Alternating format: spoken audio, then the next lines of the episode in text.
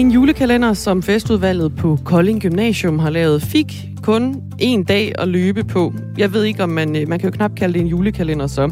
Den er nemlig blevet øh, annulleret igen, efter vi i går øh, rettede henvendelse til Kolding Gymnasium. Hver dag i øh, december, der skulle der ellers have været en nissepige eller en nissedreng bag lågen i et opslag på Instagram. Men det blev bare til det ene opslag fra i går, den 1. december. Ja, vi kan da sige, at, det, vi rettede ikke henvendelse for at få dem til at, øh, at droppe julekalenderen, men vi rettede henvendelse for at høre, hvad deres overvejelser var ved at lave sådan en julekalender. Det er jo noget, man har diskuteret. Jeg kan huske, de sidste mange december har det mm. været øh, noget, man har talt om. Det har været tema. At, øh, at øh, nogle gymnasier har lavet sådan nogle julekalender, hvor øh, de øh, ofte piger, men også i nogle tilfælde drenge, øh, som bliver fremhævet bag loverne på hvert opslag, altså øh, bliver seksualiseret, eller der bliver i hvert fald øh, stillet skarpt på deres kroppe. Ja, og øh, hende, der blev stillet skab på i går, altså 1. decembers nissepige på Kolding Gymnasium, det var Marie Mancini Jensen fra 1. C, som man øh, kunne se på to billeder og en video, hvor hun er øh, beruset. Det behøver vi ikke lægge skjul på. Øh, der er også en tilhørende tekst til de to billeder og videoen, hvor der blandt andet står, at hun har en flot krop og en kæmpe numse. Øhm, men det kan ifølge en ekspert i krænkende handlinger bidrage til en øh, seksualiseret og også alkoholiseret kultur. Det forholder vi øh, Nissepigen selv om cirka et kvarter. Ja, og hun har i øvrigt selv øh, givet samtykke til, til det hele. Altså hun har både læst øh, øh, teksten igennem og set billederne osv., så, videre, så hun føler sig faktisk ikke krænket i den her forbindelse. Ja. 7 minutter over syv er klokken. Det er Dagmar Eb Møstergaard og øh, Jakob Grosen, der er her i studiet, og du kan også være med på øh, 14.24. Klokken er 7 minutter over syv. Godmorgen. Det, det var det. Godmorgen. Den franske dommer Stephanie Frappard skrev sig ind i historiebøgerne, da hun som den første kvinde nogensinde dømte en kamp ved VM i fodbold, altså herrefodbold. Hun stod i spidsen for et dommerteam, som udelukkende bestod af kvinder. Og så var øh, de andre, øh, ja, det var altså et, et dommerteam, som kun bestod af kvinder. Vi har haft VM i 92 år, øh, og det her spil er jo ikke lige frem domineret af kvinder. Så det er første gang i 92 år, vi har haft en kvindelig dommer ved en uh, VM-slutrunde. Og nu kan jeg sige uh, godmorgen til dig, Frida, Frida Mia Klarlund. Godmorgen. Du er selv dommer i uh, første division, og så er du Danmarks højst rangerede kvindelige dommer. Hvad betyder det for dig som uh, kvindelig dommer, at uh, Stefanie Frappard hun trådte op på den uh, største fodboldscene i går? Det er så fantastisk. Og hvis der, de er udtaget seks kvinder øh, til VM, og hvis der er nogen, der skulle have lov til at dømme den kamp, så er det Stephanie. Hun, øh, hun har kæmpet for det, og hun har lavet historie efterhånden mange gange, og hun er bare så god. Ja, hvor, hvorfor, øh, hvorfor er det lige præcis hende, der skal være øh, den første kvinde i en VM-slutrunde som dommer? For mig er hun en rollemodel. Hun var, jeg har faktisk været fjerdommer for hende, da hun har dømt her i Danmark for efterhånden mange år siden. Og jeg er på forskellige UEFA-kurser med hende, og hun går bare forrest. Øh, der er ingen tvivl om, at hun ved, at det kræver det her højere pres i forhold til, at hun er også på herresiden. Så det vil sige, at hun går altid ud og tager en times ekstra træning, eller bliver lige i undervisningslokalet. Altså hun er, hun er et klasse eksempel. Kampen den blev spillet mellem øh, Costa Rica og Tyskland, og Tyskland de vandt øh, 4-2, men, men røg øh, alligevel ud på grund af øh, spilmatematik. Øhm, hvordan synes du, hun øh, gjorde det? Det blev jo en mere spændende kamp, end, øh, end folk havde forventet og hun gjorde det rigtig godt, og hele triven, eller hele, hele øh, kvartetten, hele varsættet, de gjorde det faktisk rigtig, rigtig godt. Og det var faktisk interessant med sådan et dommersyn, at man kan se i slutningen af, af kampen, der blev spillerne trætte, men Stephanie, hun løb stadigvæk hver eneste kontraangreb op, så hun gjorde det godt. Er det dit indtryk, at hun øh, gjorde det godt, fordi hun er, er dygtig, eller at hun, at hun kom ind, hedder det, som, øh, som dommer i den her kamp, fordi hun er dygtig, eller er det fordi FIFA, de bare gerne vil lave et statement? Hun har været med i UEFA, både i Champions League, hun har været med til EM. Øh, hun, hun er god nok. Øh, der er ingen tvivl om, hun konkurrerer med en masse hager, så, så konkurrent, øh, konkurrencefeltet er meget tight. Øh, jeg synes, hun er god nok til at være der, og det beviser hun i, øh, i går. Du tror ikke, det har noget at gøre med, at FIFA de gerne vil lave et statement om, at øh, kvinder de også kan være med? man kan sige, at der er jo meget fokus på diversitetsagendaen, både her hjemme i Danmark og i Europa og hele verden. Og hvis vi kan sætte et eksempel her, så er det kun positivt. Og ja, det bliver der nødt til nogle gange. Og det kan også godt være, at det er blevet gjort her. Men det baner vejen for rigtig mange ting, fordi vi alle sammen ser fodbold. Og så øh, jeg synes, det er rigtig godt. Ja, hvordan, hvordan tror du det her det kan hjælpe dig som kvindelig dommer, eller øh, andre kvindelige dommer? Kan det, kan det hjælpe jer længere i karrieren? Da Stephanie hun øh, fik øh, øh, dømt de her europæiske kampe for efterhånden to-tre år siden, der begyndte det at åbne op øh, herhjemme, det begyndte at åbne op i udlandet, så er ingen tvivl om, at det, det åbner vejen. Man kan sige, jeg blev den første kvinde i øh, første division, det gjorde jeg efter seks år i anden division, så der er blevet åbnet op. Der er ved at blive lavet nye strukturer for, at kvinder også kan være en del af fodbolden. Mm. Hvad for nogle udfordringer kan man møde som øh, kvindelige dommer i herrefodbold? Det kan være meget lavpraktisk, for eksempel, at der ikke er to omklædningsrum, men øh, det finder vi også ud af. Det kan også være, at øh, vi kommer ind for nogle eksempler, som der ikke er prøvet før. Det kan også være, at øh, når jeg går ind på stadion, så bliver tilskuerne lidt overrasket over, gud, det er en kvinde i dag.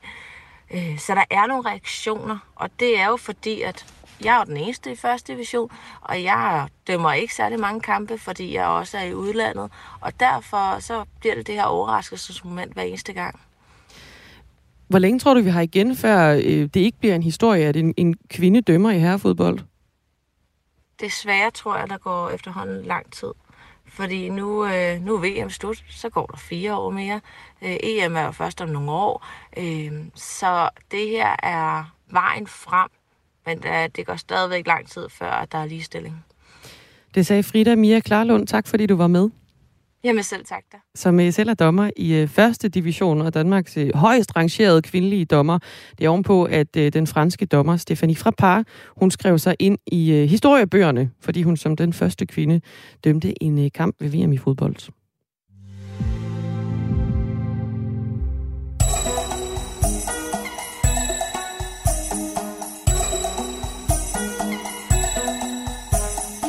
Kina siger de pengeling hver gang, at de får ris. En flagstang er en lang tynd ting, det læste jeg i min balling. Det er en Kina-vis. I Kina spiller de pingpong med bolden mod en mur, der strækker sig fra dingedong og hele vejen til gong gong. Det er en ordentlig tur. Ching chang chung. I Kina hvor en porcelæn Chang Ching Chung På alle mine rejser Så jeg aldrig nogen kejser lige så pæn Hvorfor spiller I musik i Radio 4 morgen? Sidder du måske og tænker, jamen det gør vi jo, fordi det er et nummer fra den julekalender, du kan opleve på TV2 netop nu.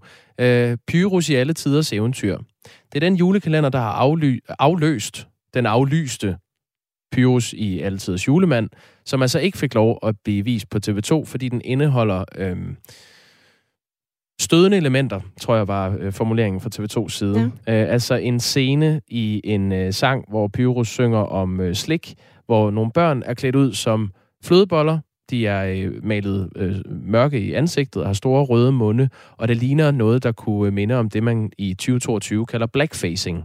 Altså at man øh, klæder sig ud som en stereotyp udgave af et sort menneske. Og øhm, ja, den her sang, øh, I Kina bor en kejser, den har øh, flere danskere med asiatisk øh, afstamning været ude at sige, at den er jo også racistisk. Det, altså, hvis flødebollerne er kan man jo godt argumentere på den måde. Ja, øh, altså en af dem, der har kritiseret det, er en øh, mand, der hedder Wan, som har kinesiske rødder. Han øh, har sagt til øh, Ekstrabladet, den måde Ching Chang Chung bliver brugt på, øh, de kunne lige så godt kalde os skævøjet. Det er meget racistisk.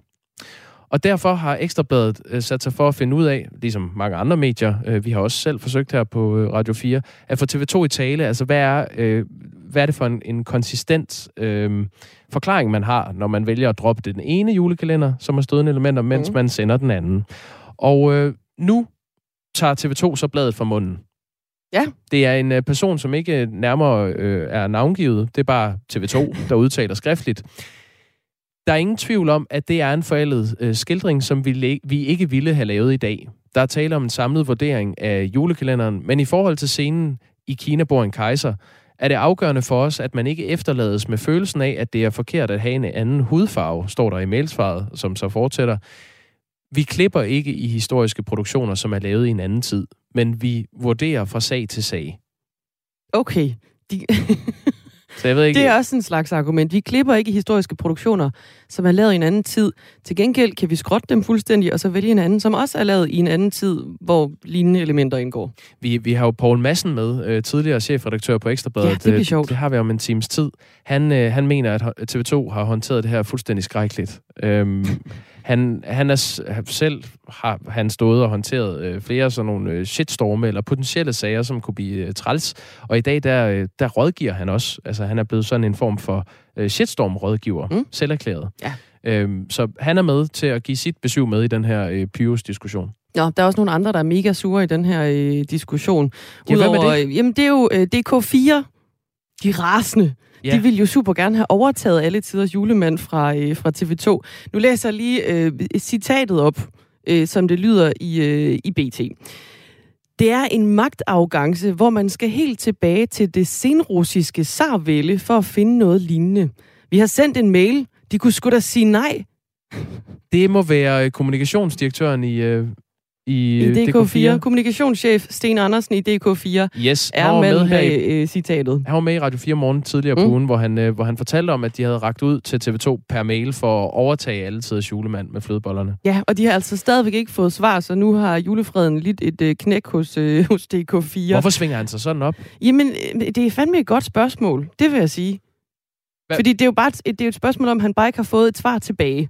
Og, og det, det er derfor, de hårde ord, de lander. Det er fordi, de ikke har fået et... Altså, der er ikke kommet en lyd, et pip fra TV2, efter de ligesom har budt op til dans og sagt, vi vil faktisk gerne øh, købe rettighederne til at vise den her julekalender.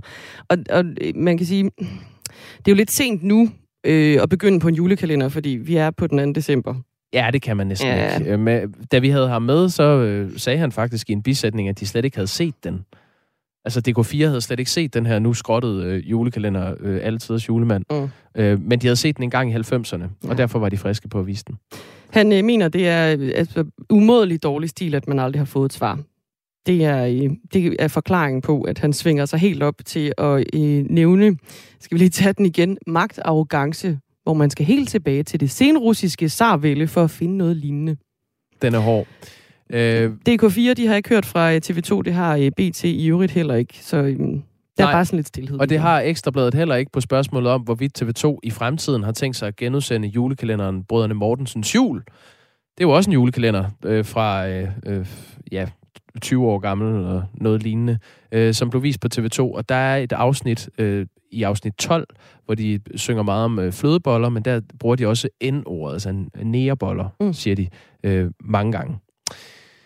Ja, det har TV2 heller ikke svaret på. Det, øh, problemet er jo, at alle de her julekalender, der bliver vist, er, øh, har nogle år på banen, og de passer bare ikke rigtig ind i øh, det moralske kodex, der bliver opereret med i 2022. Mm, kan vide, hvad der sker så ikke? om øh, 20-30 år med de julekalendere, der så bliver produceret i dag. Altså jeg tænker Tinka for eksempel. Ikke? Ja. Det er jo en julekalender, der er på alles læber og alles hoveder med de der nissehuer, der bliver udsolgt i fling. Jeg ved det. Øh, Hvordan jeg... ser det ud om 20 år? 30 år? Jeg vi, tænker så alligevel lige lidt for meget. Vi giver det 20 år, så tager vi den der. Mm. Øh, klokken er 19 minutter over syv. Vi skal jule videre. Ja, fordi vi kører videre med historien om en julekalender med øh, en nissepige eller en nissedreng, som hver dag i december skulle være blevet lagt på Instagram af festudvalget på Kolding Gymnasium. Den første nissepige, som blev offentliggjort i går, er Marie Massini Jensen, som er 15 øh, år og går i første C. Men hun bliver så også den sidste, for julekalenderen er blevet droppet, efter vi øh, kontaktede øh, festudvalget og rektor på Kolding Gymnasium, Sune Hoder Petersen, som vi i øvrigt har med øh, senere på morgenen for at høre, hvad var overvejelserne bag den her julekalender. Men under den første love var der to billeder og en video, hvor Marie Massini Jensen øh, ser ret fuld ud, og så er der en tilhørende tekst, hvor der står 1. decembers skøre nissepige er Marie fra 1. C, emoji med hjerteøjne, hun er en smuk tøs, som altid er frisk på en druklej, og desuden er Danmarks mester i dåse. Hvis du skal købe noget i baren, skal du skynde dig. Måske er hun allerede godt i gang med at tømme den. sådan øh, slæsk smiley. Hun har en flot krop med en kæmpe numse, som kun de færreste får lov at se. Fersken emoji. Du kan skyde din chance, men så skal du være klar til et nederlag. Skuffet smiley. Tror ikke, hun falder for dig. Hun er bare en smule klodset. Kysse emoji. Smid en sød besked til hende. Måske du fanger hendes opmærksomhed. Og så sådan en tunge ud af munden emoji. Marie øh, Massini Jensen, du er med her. Godmorgen. Ja, godmorgen. Du er 15 år, går i første C på Kolding Gymnasium, og så er du også medlem af festudvalget, som øh, står bag den her julekalender. Øh, og du er som sagt den, den første øh, nissepige i julekalenderen. Du er også den eneste. Du har selv sagt ja til at være med, og du har selv øh, valgt billeder, og du har også godkendt teksten, som øh, kunne læses i det her opslag, jeg lige har læst op. Øh, hvorfor sagde du ja til at være med i den her julekalender? Jamen, helt ærligt, så synes jeg, det er sjovt. Altså, jeg synes, det var sjovt at være med i. Jeg synes, det var sjovt at lige få skrevet sådan en lille tekst til en selv, og sådan, jamen, den er jo lidt sjov og sådan, og så billederne, de er jo også bare lidt sjove og sådan noget, og tænkte, jamen, ved du hvad, det har jeg ikke noget imod, andre ser. Jeg har det fint nok med, at andre ser mig, der ikke lige måske er perfekt, eller hvad det nu som at være. Så jeg var sådan, det, det synes jeg er sjovt. Jeg synes også, jeg glædede mig til at se, at mine andre venner for festudvalg ville komme op, og så kunne jeg se et sjovt billede af dem og læse en sjov tekst, fordi vi jo netop alle sammen havde ligesom givet samtykke til det her, så vi ligesom kunne se hinanden og have det sjovt med det. Mm. Ja, det er, jo, det er jo vigtigt at sige i den her sammenhæng, at, at I faktisk øh, selv havde været med indover, og det var ikke nogen, der blev på den måde hængt ud uden samtykke. Øhm, har du gjort dig nogle overvejelser i forhold til at skulle være med i det? Nej, jeg gjorde mig egentlig ikke rigtig nogle overvejelser. Det var mere sådan, nå, okay, det laver vi. Jamen, det vil jeg da egentlig gerne være med til. Og så begyndte vi jo så også på at skrive den her tekst til os forskellige mennesker, der nu var med. Øhm, yeah. Så det var jo egentlig bare det, og så valgte jeg jo så selv billederne, så jeg har jo selv valgt nogle billeder og videoer, hvor jeg sådan, det her, det har jeg det fint nok med, kommer ud til skolen. Hvad med det her med, at der står, at du har en flot krop med en kæmpe numse? Altså, hvem, hvem har skrevet det, og hvorfor er det øh, fedt, at det bliver lagt ud? Jamen, den her tekst her, vi har lavet, den, er jo, altså, den bliver jo lavet lidt for, kan man sige, wingman hinanden på en eller anden måde.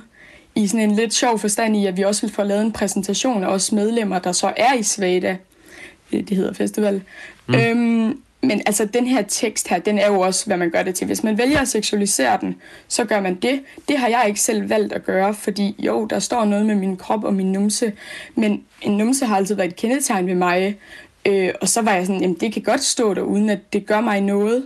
Altså, det må da gerne stå. Jeg er tilpas i min krop. Jeg føler mig godt tilpas i min krop, så det har jeg ikke noget mod, der står. Hvis du så ikke var så tilpas med din krop, og den var du ikke så glad for, jamen så kunne der have stået så meget andet i din julekalender, hvis du nu var en af de andre medlemmer, der så godt stadig ville være med, men bare ikke ville have noget, der skulle stå om din krop. Så kunne der have stået noget mere om en brændert, eller et eller andet, du havde gjort, eller du synes... Det lyder næsten som sådan en blå bog, faktisk. Øh, du, du sidder jo også øh, som en del af festudvalget, som står bag den her julekalender. Og så var det så meningen, at der hver dag skulle være et opslag med en anden nissepige eller nissedreng. Alle sammen medlemmer af det her festudvalg Svada øh, på Kolding Gymnasium. Har du overvejet, at, øh, at ting på nettet jo sjældent bare bliver målrettet dem, man havde tænkt? Altså sådan noget kan jo også brede sig. Øh, var det en del af dine overvejelser? Nej, det var det egentlig ikke øh, som sådan. Altså, jeg vidste, det ville komme ud på skolen, og det ville nok være sådan vist rundt. Men jeg var sådan, altså hvis folk på skolen ser det, så gør det mig ikke noget. Hvis folk udefra ser det, så gør det mig egentlig heller ikke rigtig noget på noget punkt. Altså jeg er ikke sådan en person, der tager tingene så personligt på en eller anden måde, at hvis folk havde en problem med mig, jamen så må folk have et problem med mig. Altså det sådan, jeg er ligeglad, hvad folk tænker om mig. Der er en, øh, en lytter her, der skriver, øh, mens vi taler med dig, øh, respekt for hende. Hvad siger hendes forældre til det? Øh, min mor, hun er, og min far, de støtter mig vildt meget. Altså min mor, da hun så opslaget, hun grinede. Min mor ved godt, at jo, jeg har været måske lidt for fuld nogle gange, men det lærer jeg af, siger hun. Hun mener, at ved du hvad, det er en del af at være ung. En del af at være ung er at lave fejl en gang imellem, for eksempel inde i en brændert, som man kan se på mine billeder eller video der. Øhm, og det lærer jeg af, og så sker det forhåbentlig ikke igen, eller det sker i hvert fald ikke før lang tid. Øh, det lyder som om, du er skuffet øh, faktisk over den her øh, julekalender blev droppet, Marie øh, Messini Jensen. Er det rigtigt? Nej, altså jeg er ikke skuffet. Øh, jeg ved ikke, hvorfor den er blevet taget ned. Det har jeg ikke været en del af samtalen om. Øh, men jeg tænker, at det er blevet gjort for det bedste. Vi øh, har været i kontakt med en øh, forsker, som, øh, som forsker i krænkende handlinger. Øh, hun hedder Mille Mortensen, og hun mener, at en øh, julekalender som den her kan have negative konsekvenser for kulturen på gymnasiet. Vi skal lige høre, hvad hun siger. Jeg tænker, det er med til at, øh, at understøtte en seksualiseret og alkoholiseret kultur. Og det er jo ikke fordi, at øh, der som sådan er noget galt i at, øh, at indtage øh, alkohol i begrænsede mængder. Det hører også ungdom til, men når jeg ser det ene billede, vurderer jeg jo ikke bare at indtage alkohol, så vurderer jeg en, som er temmelig fuld. Det er i hvert fald sådan, det ser ud. Øhm, så det bliver jo sådan en øh, forhærligelse af en alkoholiseret og en seksualiseret kultur. Hvad, hvad synes du om det, du hører her? Jo, det er, øh, altså jo, det ligner, altså jeg er meget måske fuld af, øhm, og jeg kan godt se, at det måske godt kan ud til at virke som om, at det her det er det eneste, det handler om. Men det er det jo på ingen måde. For på KG, der er der, hvis du er meget til det her med de store fester og farver, så er der en masse klubber, du kan vælge.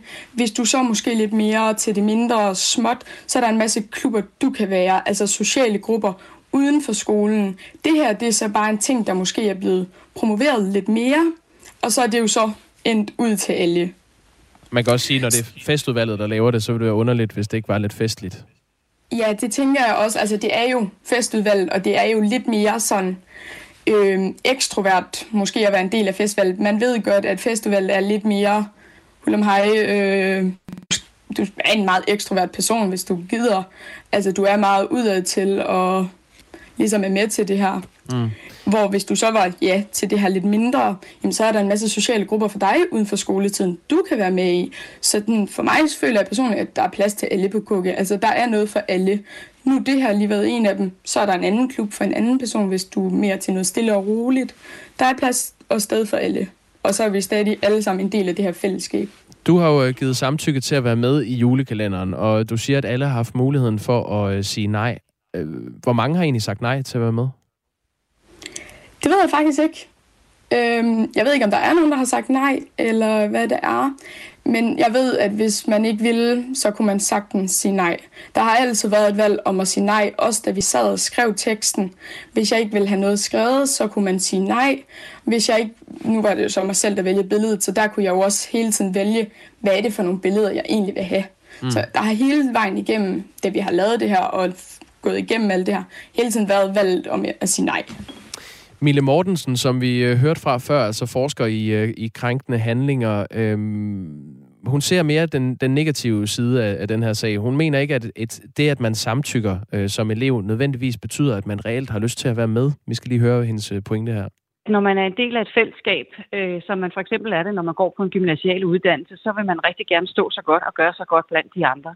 Så det, at øh, nogen siger, at det er okay, det er ikke det samme som, at de nødvendigvis på nuværende tidspunkt eller på et senere tidspunkt synes, det er okay, når de ser tilbage.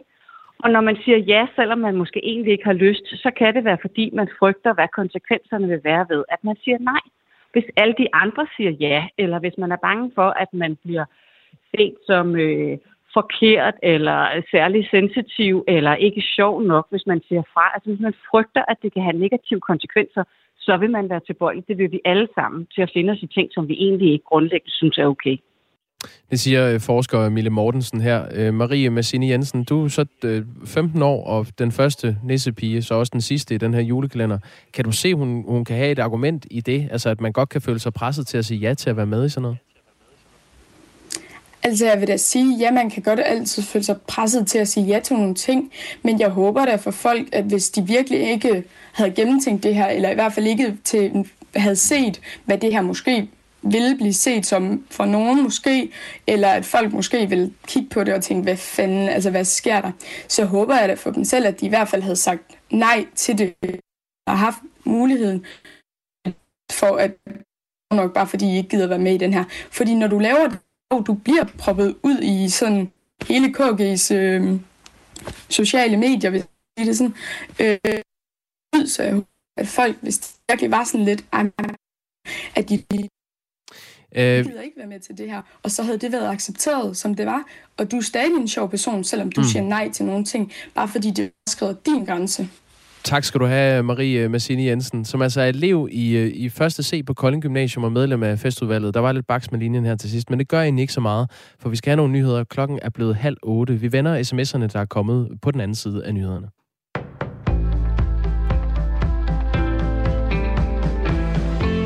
Alle gas- og oliefyrsejere må muligvis vente længere end til nytår for at få besked om fjernvarme. I april lovede den nu fungerende statsminister Mette Frederiksen ellers, at ejerne inden årets udgang skal have klar besked om, hvorvidt de kan få fjernvarme eller ej, det skriver politikken. Flere kommuner oplever nemlig, at udrulningen af fjernvarme står til at blive noget dyrere end forventet. I Hørsholm Kommune forklarer den konservative borgmester Morten Slot ved, at det kommer til at tage længere tid, fordi kommunen skal lave nye beregninger og have en dialog med borgerne om, hvorvidt de er villige til at betale en højere pris. Og kommunernes landsforening bekræfter over for politikken, at den problematik er udbredt i hele landet. Antallet af langtidsledige blev ved med at falde i oktober. Det viser tal fra Styrelsen for Arbejdsmarked og Rekruttering ifølge Dansk Erhverv. I september var tallet ellers det laveste i 26 år. Christian Skriver, der er seniorøkonom i Dansk Erhverv, kalder faldet for en fremragende nyhed. Dansk økonomi er braget ud af coronakrisen med høj vækst, og virksomhedernes efterspørgsel efter arbejdskraft er stor, skriver han. Efterspørgselen betyder, at mange ledige igen har fundet fodfæste på arbejdsmarkedet. Præsidenterne fra USA og Frankrig mødtes i USA og kom i går med et statement. Vi vil aldrig presse Ukraine til at gå ind på et kompromis, som landet ikke ønsker, og det fortæller Susanne Digemar mere om her. Det siger Frankrigs præsident Emmanuel Macron på et pressemøde i det Hvide Hus i Washington sammen med USA's præsident Joe Biden. Frankrig og USA står sammen om at støtte Ukraine mod Rusland. Vi vil være med til at skabe fred, når tidspunktet er rigtigt, siger Macron, og understreger, at krav om territorium vil blive afgjort af Ukraine. De to præsidenter er enige om fælles politiske og økonomiske initiativer, der globalt skal styrke det vestlige demokrati, og Joe Biden siger, han er klar til et møde med præsident Vladimir Putin, men kun hvis det drejer sig om at få afsluttet krigen, siger han, og understreger, at Rusland vil blive draget til ansvar for veldokumenterede krigsforbrydelser. Der er en smule længere mellem huse, ejerlejligheder og sommerhuse med til salgsskilte i dag, end der har været i lang tid. Mens udbuddet på det danske boligmarked længe er gået opad, er det i halvdelen af kommunerne mere eller mindre stagneret den seneste måned, og i nogle kommuner endda faldet, viser tal fra boligsiden. Og spørger man Birgitte Dates, boligøkonom og kommunikationsdirektør hos Boligsiden, så hænger det sammen med tidens økonomiske udfordringer. Nu justerer boligsælgerne deres forventninger til et boligsalg. Det har vi tidligere set i form af et større prisnedslag, men nu ses det altså også på aftagende stigning i udbuddet, siger hun. Medarbejdere har frosset, selvom de har brugt både svætter, vanter og tæpper. Så derfor har Struer Kommune ifølge TV2 nu valgt at skrue op for varmen fra 19 til 20 grader. Der har været stor opbakning til de 19 grader, men arbejdsmiljøet har lidt under det, og derfor skruer vi nu op for temperaturen. Det siger Jørgen Bæk Ladekær, der er centerchef for teknisk drift og anlæg i Struer til TV2. Kommunen har i oktober måned ellers sparet 40 procent i forhold til sidste år ved at skrue ned til 19 grader. Mest skyet vejr med enkelte byer, temperatur omkring 4 grader. En svag til jævn vind fra nordøst. Det var nyhederne på Radio 4 med Sofie Levering.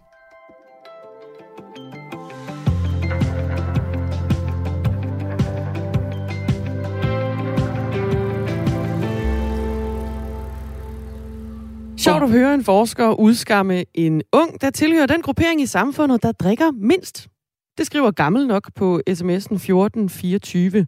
Det er øh, ovenpå interviewet med Marie Massini Jensen, 15 år gammel, elev på øh, Kolding Gymnasium, og øh, første og sidste nissepige i øh, gymnasiets julekalender for i år. Ja, og det er jo et øh, koncept, man også har set tidligere år. Øhm, der var øh, faktisk fra Kolding øh, på Munkensdam Gymnasium nogle drenge i 3.G, der havde fundet fotos af piger fra 1.G på det, der hedder Lectio, sådan en online øh, platform, som gymnasierne bruger. Og der havde de inddelt de her piger i forskellige kategorier, alt efter hvordan de mente pigerne så ud. Den liste blev sendt rundt via sociale medier og indeholdt grupper som øh, Toppen af Poppen og Vil hellere skære pikken. Øh, den liste kom til stor debat, også her på Radio 4, men især i, øh, i Kolding-området, øh, og det var tilbage i september. Og det er altså så nu, herop til øh, øh, julehyggen, at øh, et andet gymnasium, Kolding Gymnasium, har lanceret en, øh, en tilsvarende øh, julekalender. Det er festudvalget, der stod bag, og de har droppet den igen, efter vi rettede henvendelse for at høre, hvad deres overvejelser var. Jarl, han skriver, case in point, den danske drukkultur, og så sådan en stærk øh, arm emoji.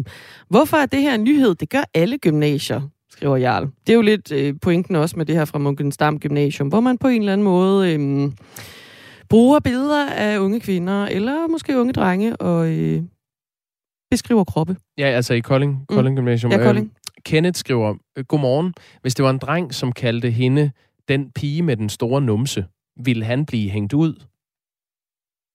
Det tror jeg, du kan have ret i, Kenneth. Og det var altså noget af det, der stod i, øh, i den her beskrivelse af øh, Marie Massini Jensen, at hun har en flot krop med en kæmpe numse, som kun de færreste får lov at se. Der er flere, der er sådan lidt øh, skarpe i holdningerne til Mille Mortensen, som er forsker og ekspert i øh, krænkende handlinger, som vi også har, har talt med i den her forbindelse. Der er en, der øh, skriver her, øh, det er Jakob fra Bispebjerg. Hold da op! Forskeren laver jo en strømmand for åben radio. Hun hviler jo fint i sig selv og står helt inde for julekalenderen. Suk skriver Jakob. Det er noget, der kan skabe debat, øh, sådan noget stof. Vi har øh, rektor på øh, Kolding Gymnasium med. Han hedder Sune Hoder, og han er med øh, i næste time, altså mellem 8 og 9, og det er helt bestemt klokken lidt over halv ni, at vi har ham med her i øh, programmet. Det er Dagmar i Møstergaard og Jakob Grosen, der, øh, der kører bussen i dag.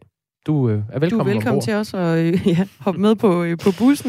Det kan du gøre ved at skrive ind på 1424. Åh, oh, et dumt billede, jeg fik lavet der. Ja, tak. Vi lægger den der.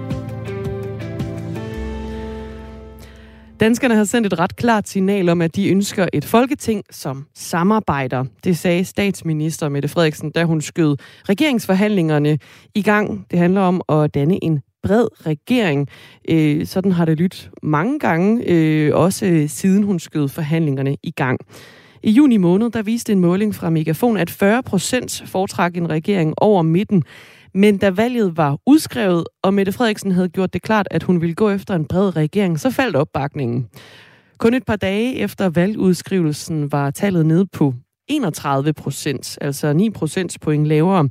Og nu viser en ny måling fra Epinion, at en bred regering ikke engang er på top 3 over de regeringskonstellationer, danskerne synes, Mette Frederiksen skal gå efter som kongelig undersøger. Christoffer Gren Petersen, godmorgen. Godmorgen. Professor på Aarhus Universitet, og så forsker du også i brede regeringer. Øhm, hvor mange danskere ønsker egentlig en bred regering? Ja, det er jo et godt spørgsmål, det kommer an på, hvad alternativerne er, og hvad en bred regering egentlig betyder. Altså, hvem er statsminister? Og, så, så jeg tror, det kommer an på, hvad er alternativerne. Det kan godt være, at øhm, man hellere vil have en bred regering, men en, en, en, en regering til den mod, fra den modsatte blok. Men, men hvis man kunne få sin egen blok, for eksempel en rød regering nu, hvor der bare skal flertal for den, så kunne man godt forestille mig, at det vil der egentlig synes, at det var den bedste løsning. Mm. Så, så hvad for nogle partier tror du især vælgerne de har stemt på, hvis de rent faktisk ønskede den her brede regering? Ja. Ej, der er jo ingen tvivl om Moderaterne. Altså, det der deres succes nok har noget at gøre med, med, med den her idé om den brede regering. Præcis hvilken rolle det spiller, det tror jeg ikke helt, vi ved endnu. Der er også godt for andre ting på spil, men det er jo det parti, der mest tydeligt har, har markedsført sig på den. Hvad Socialdemokratiets vælger og siger, det er sådan lidt mere interessant spørgsmål. Der kan være mange andre gode grunde til at stemme på Socialdemokratiet, og også spørgsmål om den her brede regering egentlig har gavnet med det Frederiksen. Det kan godt være, det, det havde det, hvis man frygtede en blå regering, men nu hvor hun har fået et rødt flertal, så er spørgsmålet, om vælgerne egentlig ikke synes, hun skulle benytte sig af det. Ja, fordi altså, dem, der så har stemt på Socialdemokratiet, de, altså Socialdemokratiet gik jo til valg på at danne en bred regering. Tror du, vælgerne, der stemte på S, rent faktisk drømte om en bred regering? Mm, det må vi jo se til, men det er langt fra sikkert, at det er der nok nogen, der ikke, men, men, men om det store flertal egentlig har gjort det, det, det gjorde de måske, hvis, hvis frygten var en, en, et, et blot flertal, eller flertal domineret af deres lykke, men nu er det lykkedes at få et rødt flertal, så spørgsmålet så egentlig, om man, om man ikke synes, hun skulle benytte sig af den mulighed i stedet for. Mm. For nylig, der lavede... Ikke, Ja, det kommer også du? igen an på præcis, hvad en bred regering egentlig er. Altså er det en regering, der har SF med, er det en regering kun med Venstre og Moderaterne, for eksempel, og hvad for en politik vil den føre. Det er jo, der er jo stadigvæk mange varianter af det her, og det tror jeg, hvordan folk kommer til at se på, det kommer han på præcis, hvad det er for en regering med hvem, og hvad den, og hvad den gør. For nylig der lavede Opinion en undersøgelse af danskernes foretrukne regeringskonstellationer øh, før og også efter valget. Hvis man kigger på de konstellationer, hvor Socialdemokratiet øh, indgår, det er jo, må alt andet lige betragtes som mest realistisk, fordi det også er Mette Frederiksen, der er i kongelig undersøger, øh, så er en regering bestående af Socialdemokratiet og Venstre, altså en regering med S og V øh, hen over midten, kun nummer 4 på den her liste. Den foretrukne regering, det er en øh, rent socialdemokratisk regering, og øh, derefter kommer en regering med Socialdemokratiet og SF, og derefter igen en regering med Socialdemokratiet, SF og de radikale. Regeringsforhandlingerne, de er øh, jo, jo stadig i gang, øh, og de eneste partier, som er ude, det er Enhedslisten og Alternativet, og så har vi øh, Danmarksdemokraterne og Nye Borgerlige fra øh, den anden fløj, som også er ude. Øhm, øh, nu har vi været omkring det her med, med Moderaterne, som jo nok især gerne vil have en bred regering. De vælgere, der sat deres kryds der. Hvad for nogle andre vælgere vil især gerne have en bred regering? Jeg tror faktisk, at det er moderaterne. Jeg tror ikke, der er så mange andre, der sådan i sig selv foretrækker det. Der er nok nogen, der måske har det som second best. Det kan godt være, at der er nogle af Venstres vælgere, der siger, at det her det accepterer, det trods alt er den, er den mindst dårlige løsning at gå ind i den regering. Det må, det må tiden vise, ikke? Men, men jeg tror egentlig kun det moderaternes vælger, der så for alvor sådan tænker, at det er det, øh, det, er det bedste. Øh, de, de andre partiers vælgere har nok i virkeligheden en, en, en blokregering, som bliver mere foretrukket, men det er jo så et spørgsmål, om det kan lade sig gøre. Mm. Christoffer Gren Petersen, du har jo forsket i, øh, i, i brede regeringer. Er en øh, bred regering lige så solid som en ren blå eller en ren rød? Det kommer helt an på, hvordan en bred regering er skruet sammen. I de første bliver det, hvis der kommer en spændende, bliver det egentlig en flertalsregering. Altså hvis det er en mindretalsregering, for eksempel bare Socialdemokratiet Venstre, så er spørgsmålet, hvem, hvem, vil være altså støttepartier, når det strammer til, når vi får en minksag igen, eller et eller andet, som hvor støttepartiernes opbakning virkelig er, er krævende, jamen så, så er det et spørgsmål, den har klart, øh, nogle klare støttepartier, et klart parlamentarisk grundlag, hvem, hvem det skal være. Øh, så det tror jeg bliver ret afgørende for, hvor, hvor også, og så er selvfølgelig et spørgsmål om intern øh, enighed. Altså, øh, en bred regering skal jo kunne blive enige om, om noget, øh, og man kan sige, det der de, de regeringer, vi typisk har haft, de har jo været gode til at blive enige med forskellige på skift, så man kunne samarbejde meget med nogen om noget, men så kunne man lade være med at samarbejde de ting, man ikke var enige om. Det er den måde, Venstre og Socialdemokratiet har samarbejdet på tidligere. Ikke? Og mens man regerer regering sammen, så skal man blive enige om det hele. Og det betyder nogle gange, at man ikke bliver enige om så meget. Så altså, det er jo så et spørgsmål, hvordan sådan, altså, det, det er et åbent spørgsmål, hvordan sådan en bred regering vil fungere. Ser du, øh, med den viden, du også har, du har forsket i brede regeringer, ser du, øh, at det kan ende lykkeligt med en bred regering efter øh, de her regeringsforhandlinger, de, de lander et resultat?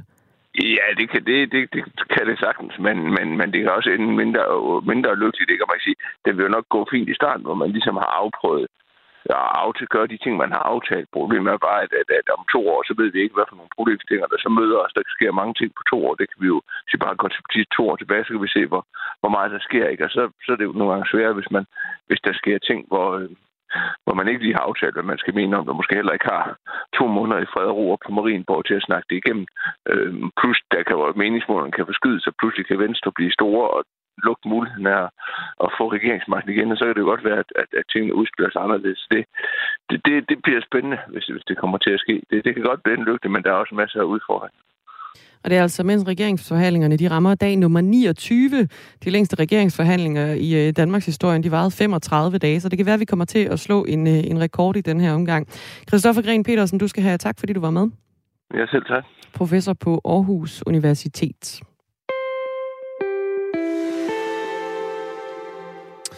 Vi har fået besøg af vores kære kollega Mathias Bunde her i studiet. Hej Mathias. Hej. Du er kommet ind for at fortælle om en historie, I arbejder på for hjem. Ja, helt bestemt. Øh, det er en historie, som handler om, at øh, rigtig mange kommuner har svært ved at holde det her løfte om at give alle gas- eller, eller oliefyrsejere besked øh, i nytår om, hvorvidt de kan få fjernvarme.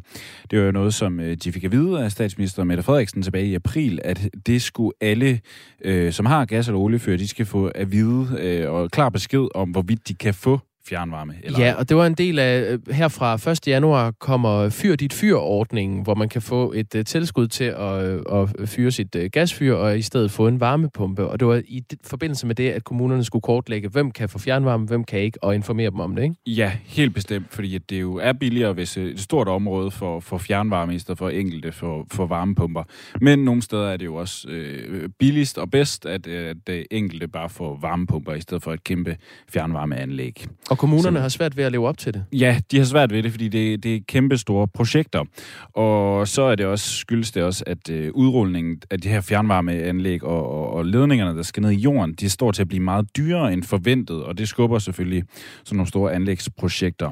Hvorfor det helt konkret er blevet dyrere, det, ved, øh, det står der ikke noget om. Det er en historie, som politikken har, skal jeg lige sige, og det, det er derfor, jeg har set den. Øh, men det står ikke konkret, hvorfor det bliver dyrere. Øh, men det bliver, det bliver vi forhåbentlig klogere på, fordi vi skal tale med Kim Mortensen, som jeg har fået fat i. Han er direktør i brancheorganisationen Dansk Fjernvarme, mm. og han ved en hel masse om det. Og jeg håber, han kan gøre os klogere på, hvorfor det ligesom er blevet dyrere, og hvilke udfordringer der er ved at få udrullet de her fjernvarmeanlæg. Hvornår får vi ham med? Ved vi det nu? Ja, 8.45. Øh, Ja. Det kan man se øh, frem til. Tak, Mathias. om en time. God arbejdsløst. Ja, tak. Øh, det er altså også et indblik i, at øh, der foregår ting på den anden side af glasruden ind til det her studie, hvor øh, Dagmar Eben Østergaard og Jakob Grosen sidder. Og nu skal vi videre til en anden historie, som vi øh, fortalte lidt tidligere på morgen, vi arbejdede på. Den er nu gået hjem.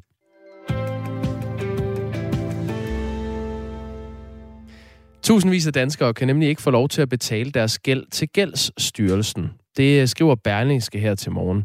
Omkring 138.000 danske borgere øh, og øh, nogle virksomheder har fået tilbagebetalt en gæld, øh, de ellers har forsøgt at øh, tilbage. Altså, de, de har ikke fået lov til at, at tilbagebetale den her gæld, som de ellers har forsøgt at øh, betale. Og det er problematisk, fordi selv samme borgere ikke kan låne. Øh, det kan være til øh, hus- eller bilkøb, når de står i registret som skyldnere. Så mennesker, som kan sk- skylde helt ned til en øre, kan ikke få lov til at øh, købe eller låne penge til et, et større køb, fordi de øh, står i, øh, i det her register. Ifølge Gældsstyrelsen skylder borgere i gennemsnit 750 kroner. Peter Bjerre Mortensen er professor og ekspert i forvaltning ved, ved Aarhus Universitet og er med os nu. Godmorgen. Godmorgen. Det, det virker lidt uforståeligt det her. Hvorfor er det, de her borgere ikke kan få lov til at betale deres øh, gæld tilbage? Jamen altså, den øh, vinkel, der er i Berlinske, det er jo, at øh, det kan de ikke, fordi at man ikke er sikker på, om det er en øh, lovligt at opkræve den gæld. Øh, og det tager noget tid at afklare for gældsstyrelsen, gældstyrelsen, om det er en, øh, en, en, en lovlig eller en ulovlig opkrævning, og derfor så er man tilbageholdende med at, øh, at tage imod pengene, øh, så længe man ikke er sikker på det. Er, er det ikke lidt et øh, misforstået øh, hensyn i forhold til, til borgerens øh, sikkerhed for at kunne betale sådan noget tilbage? Øh, jo, det kan man sige, men, men altså, det er jo øh, for mig at se, at det er jo et eksempel på det øh, ret dybe dilemma, som Gældsstyrelsen står i her, fordi det, der er forhistorien, er jo, at, øh, at man har haft problemer med ulovlig gældsinddrivelse på, på det her område, og det kan man sige, det er jo også skidt for, øh, for retssikkerheden og retsfølelsen, hvis du opkræver gæld, som der ikke er, øh, det ikke er lovligt at opkræve. Øh, det, der så bare er problemet, det er jo, at den her, de her nye sager, de viser jo så, at det med retssikkerheden, det er jo lidt mere kompliceret end som så, fordi det er også et problem for retssikkerheden, hvis der går meget lang tid, før du kan få afklaret, om du skal betale din gæld, eller du ikke skal. Så, øh, så uanset, det, det er det, der er lidt det, det svære dilemma, synes jeg. Uanset hvad gældsstyrelsen gør her, så, øh, så giver det problemer. Vi har fået en sms fra Mads, der gør opmærksom på, at man jo heller ikke kan lægge lån om, når man er i den situation, og så kan man blive fanget i det, han kalder rentehelvede i, øh, i banken. Altså man kan sige, at Berlingske har flere eksempler på danskere, der har forsøgt at betale deres gæld og efterfølgende øh, fået pengene retur, efter de har øh, sendt dem afsted. Det er blandt andet Line, der på grund af en gæld på 271 kroner ikke kan få lov til at låne det til hverken hus eller bil. Så er der Marianne, som siden 2012 har skyldt skat en øre, og som derfor ikke øh, har kunne få overskydende skat tilbage. Øhm, det er siden 2012. Hvordan kan det tage over 10 år at finde ud af, om hun øh, skylder den her ene øre? Jamen, det er også lang tid.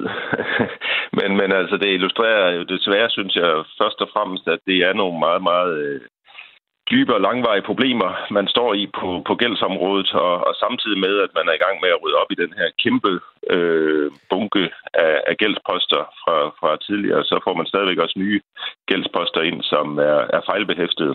Øh, og det er jo simpelthen en kæmpe øh, opgave, de står overfor, som jeg tror, de har svært ved at løse selv, øh, gældsstyrelsen. Er det her noget, vi er nødt til at acceptere, eller kan man lave et smartere og måske mere automatiseret system til gældsinddrivelse? Jamen, det har man jo forsøgt. Altså, jeg ved ikke, øh, hvor langt vi skal gå tilbage i historien, men, men altså, hele forhistorien er jo, at man samlede gældsinddrivelsen for at lave det smart i midten af nullerne, og så lavede man det her EDI-system, der skulle være digital inddrivelse, som man satte i gang i 2013, øh, men som man så stoppede i 2015, fordi man fandt ud af, at der foregik ulovlig opkrævning af gæld, øh, og det var det, der var det store problem der. Og det tror jeg er baggrunden for, at man går så meget op i, at det vil man ikke komme ud igen.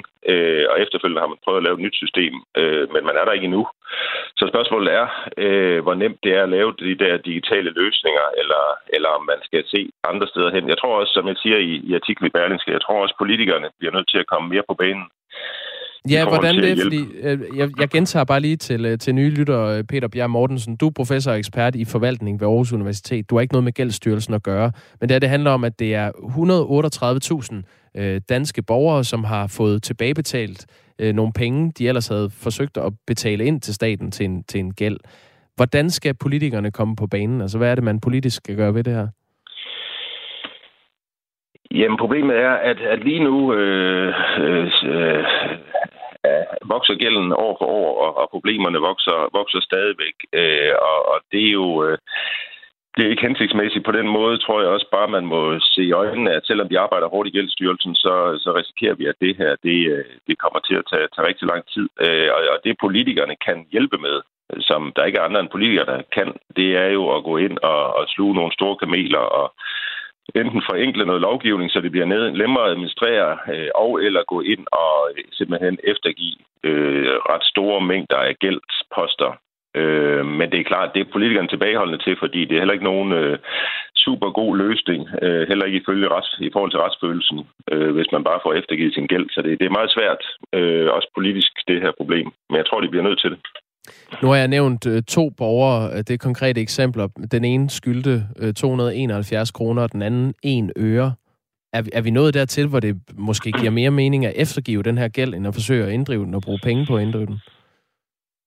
Øh, ja, det øh, kan man da øh, i hvert fald sagtens spille. de eksempler, du trækker frem. Det er faktisk, mener jeg også, at man politisk har været inde og, og tage stilling til en bagatelgrænse på 200 kroner Øh, men igen, sådan en beslutning er jo også svær, fordi så er der nogen, der siger, skal man hæve den bagatellgrænse til 400 eller 600 kroner, men, men hvad betyder det så? Øh, betyder, begynder folk så slet ikke at tage alvorligt, hvis man får en, en lille bøde, og, og bliver bøderne bare hævet. Øh, der, der er rigtig mange dilemmaer i det her, øh, og, og derfor er, er hele misæren af, at det er kommet så langt ud, øh, og det er blevet så store tal, vi taler om, at, at det er meget svært at, at komme med nogle løsninger på kort eller mellemlang sigt, der er gode.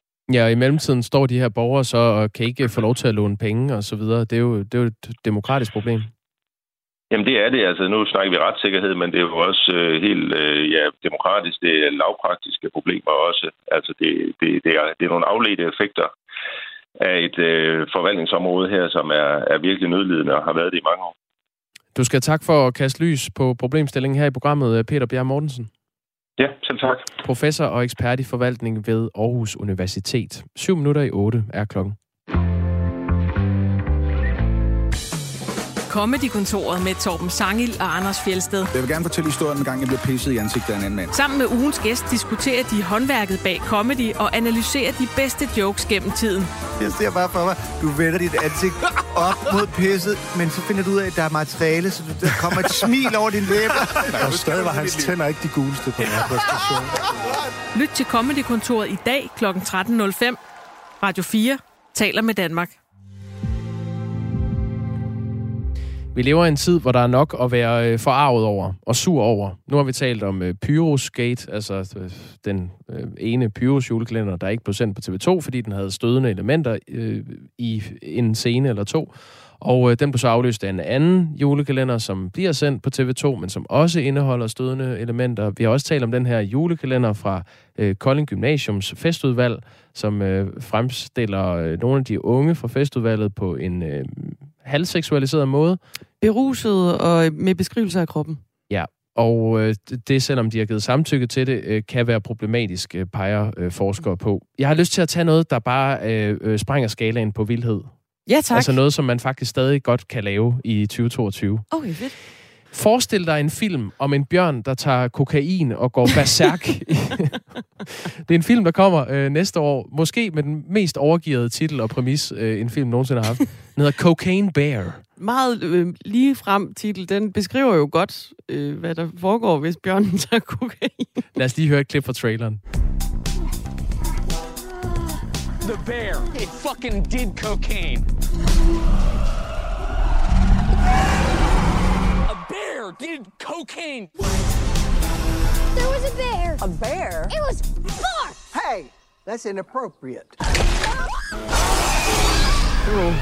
Og så æder bjørnen bare løs. Det er simpelthen, hvad det er. En, øh, en bjørn spiser ved et uheld øh, kilovis af kokain og går berserk på en øh, umage gruppe af politibetjente og narkohandlere og turister og teenager i en skov i Georgia i USA. Okay, vildt nok idé at altså, hive den op af hatten og sige, jeg vil lave en film, den skal handle om en bjørn på coke. Ja. Synes du ikke, at bjørne er uhyggelige? Jo. Synes du, at bjørne er vilde, hvis de tager kokain og går fuldstændig amok og smadrer et lokalsamfund? Yes, yes. der har du den. Øhm, Er det sådan gyseragtigt, eller hvad? Ja, det en form for, øh, for splatter øh, øh, øh, gyser. Hvad kalder man sådan noget? Altså lidt... Jeg forestiller mig, det er lidt som, øh, som dødens skab, bare i en skov i Georgia med en, Med en bjørn på coke. coke-bjørn. Øh, der er mange skøre påfund. Altså, det er noget med, at den, øh, den får nærmest superkræfter af det her kokain, og kan klatre op i et træ på øh, rekordtid og overhaler en ambulance i høj fart. Og den ser meget øh, livagtig ud. Nu sad jeg og underholdt mig selv med traileren her til morgen. Øhm, den er løst baseret på en virkelig historie, faktisk. Det bliver bedre og bedre. Ja, øh, det er fra 1985, hvor en bjørn rent faktisk indtog en stor mængde kokain i en nationalpark i øh, Georgia, øh, hvor en tidligere narkobetjent havde smuglet noget narkotika, og der, der fik bjørnen altså snuden i det. Så det kan man stadig lave i 2022. Okay, wow. Shitstorm, den motherfuckers. Den er, den er dansk premiere den 23. februar, hvis du skulle have lyst. Cocaine Bear. Lad os øh, lige blive ved øh, filmene. Ja, lad os gøre det. Verdens bedste film er nemlig blevet kåret. Kan du gætte, hvad det er for en? Verdens bedste. Jeg ønsker dig held og lykke med at gætte det, vil jeg sige. Altså den bedste film nogensinde. Ja, verdens bedste film. Jeg kan afsløre øh, så meget, at det er en øh, belgisk film fra 70'erne. Okay. Hvem er det, der har kåret den? Det er øh, respekterede personer, øh, som er øh, filmkritikere.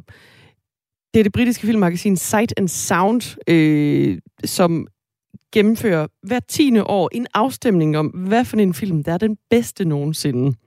Okay, altså, det er jeg meget spændt på. Jeg kan slet ikke nævne en, en belgisk film fra 70'erne. Du er lovligt undskyldt. Jeg kendte den ikke engang. Øh, det er 1600 filmkritikere, som har øh, sagt, okay, de 10 bedste film, du kender, hvad er det for nogen? Så har de ligesom listet dem op og sendt dem afsted øh, til filmmagasinet her, og så udgives det af British Film Institute, skriver DR. Øh, årets afstemning er lidt overraskende, fordi øh, tidligere har det været øh, film som øh, sådan noget Citizen Kane og Vertigo, der ligesom har toppet. Men nu er det øh, den her belgiske film fra 1975, som hedder Jean Dillman. Den er instrueret af en belgisk instruktør, Chantal Ackermann, og regnes for at være en feministisk klassiker. Jeg ved ikke, om det siger noget om tiden, at øh, det er en feministisk klassiker, der lige kommer op og øh, vinder på øh, toppen af den her liste. Det lyder øh, spændende. Jean Dillman. Ja. Så i Danmark har vi John Dillermand, og i Belgien har de øh, Jean Dillman. Verdens bedste film. Den tager 3 timer og 20 minutter, skulle du være interesseret i. Og øh, se den. Den følger en enlig mor, som er øh, også prostitueret, som oplever, hvordan hendes hverdag langsomt falder fra hinanden og kollapser. Det er et, øh, et livsforfald på 3 timer og 20 minutter, du kan sætte dig ned og nyde. Men det skulle til synligheden være verdens bedste film. I hvert fald i det her årti. Er den i sort-hvid? Det ved jeg faktisk ikke. Nå, men det er da bare frem med pipen og plæten, og så finde øh, den frem her i, øh, i weekenden. Ja. For 10 år siden, der lå den som nummer 35. Der er nogen, der lige pludselig har fundet kærligheden til den. Jean Dillman. Øhm, vi nærmer os øh, nyhederne her klokken 8. Vi kan da sige, at på den anden side af det skal vi tale med Rit Bjergård, forhenværende øh, minister og overborgmester for Socialdemokratiet øh, gennem mange år. Hun øh, blev genindsat som undervisningsminister efter forhandlingerne i 1975. Og det her, det skal handle om regeringsforhandlingerne, som altså trækker i langdrag. Fordi i næste uge slår øh, forhandlingerne rekorden på 35 dage, der er de hidtil længste regeringsforhandlinger i Danmark.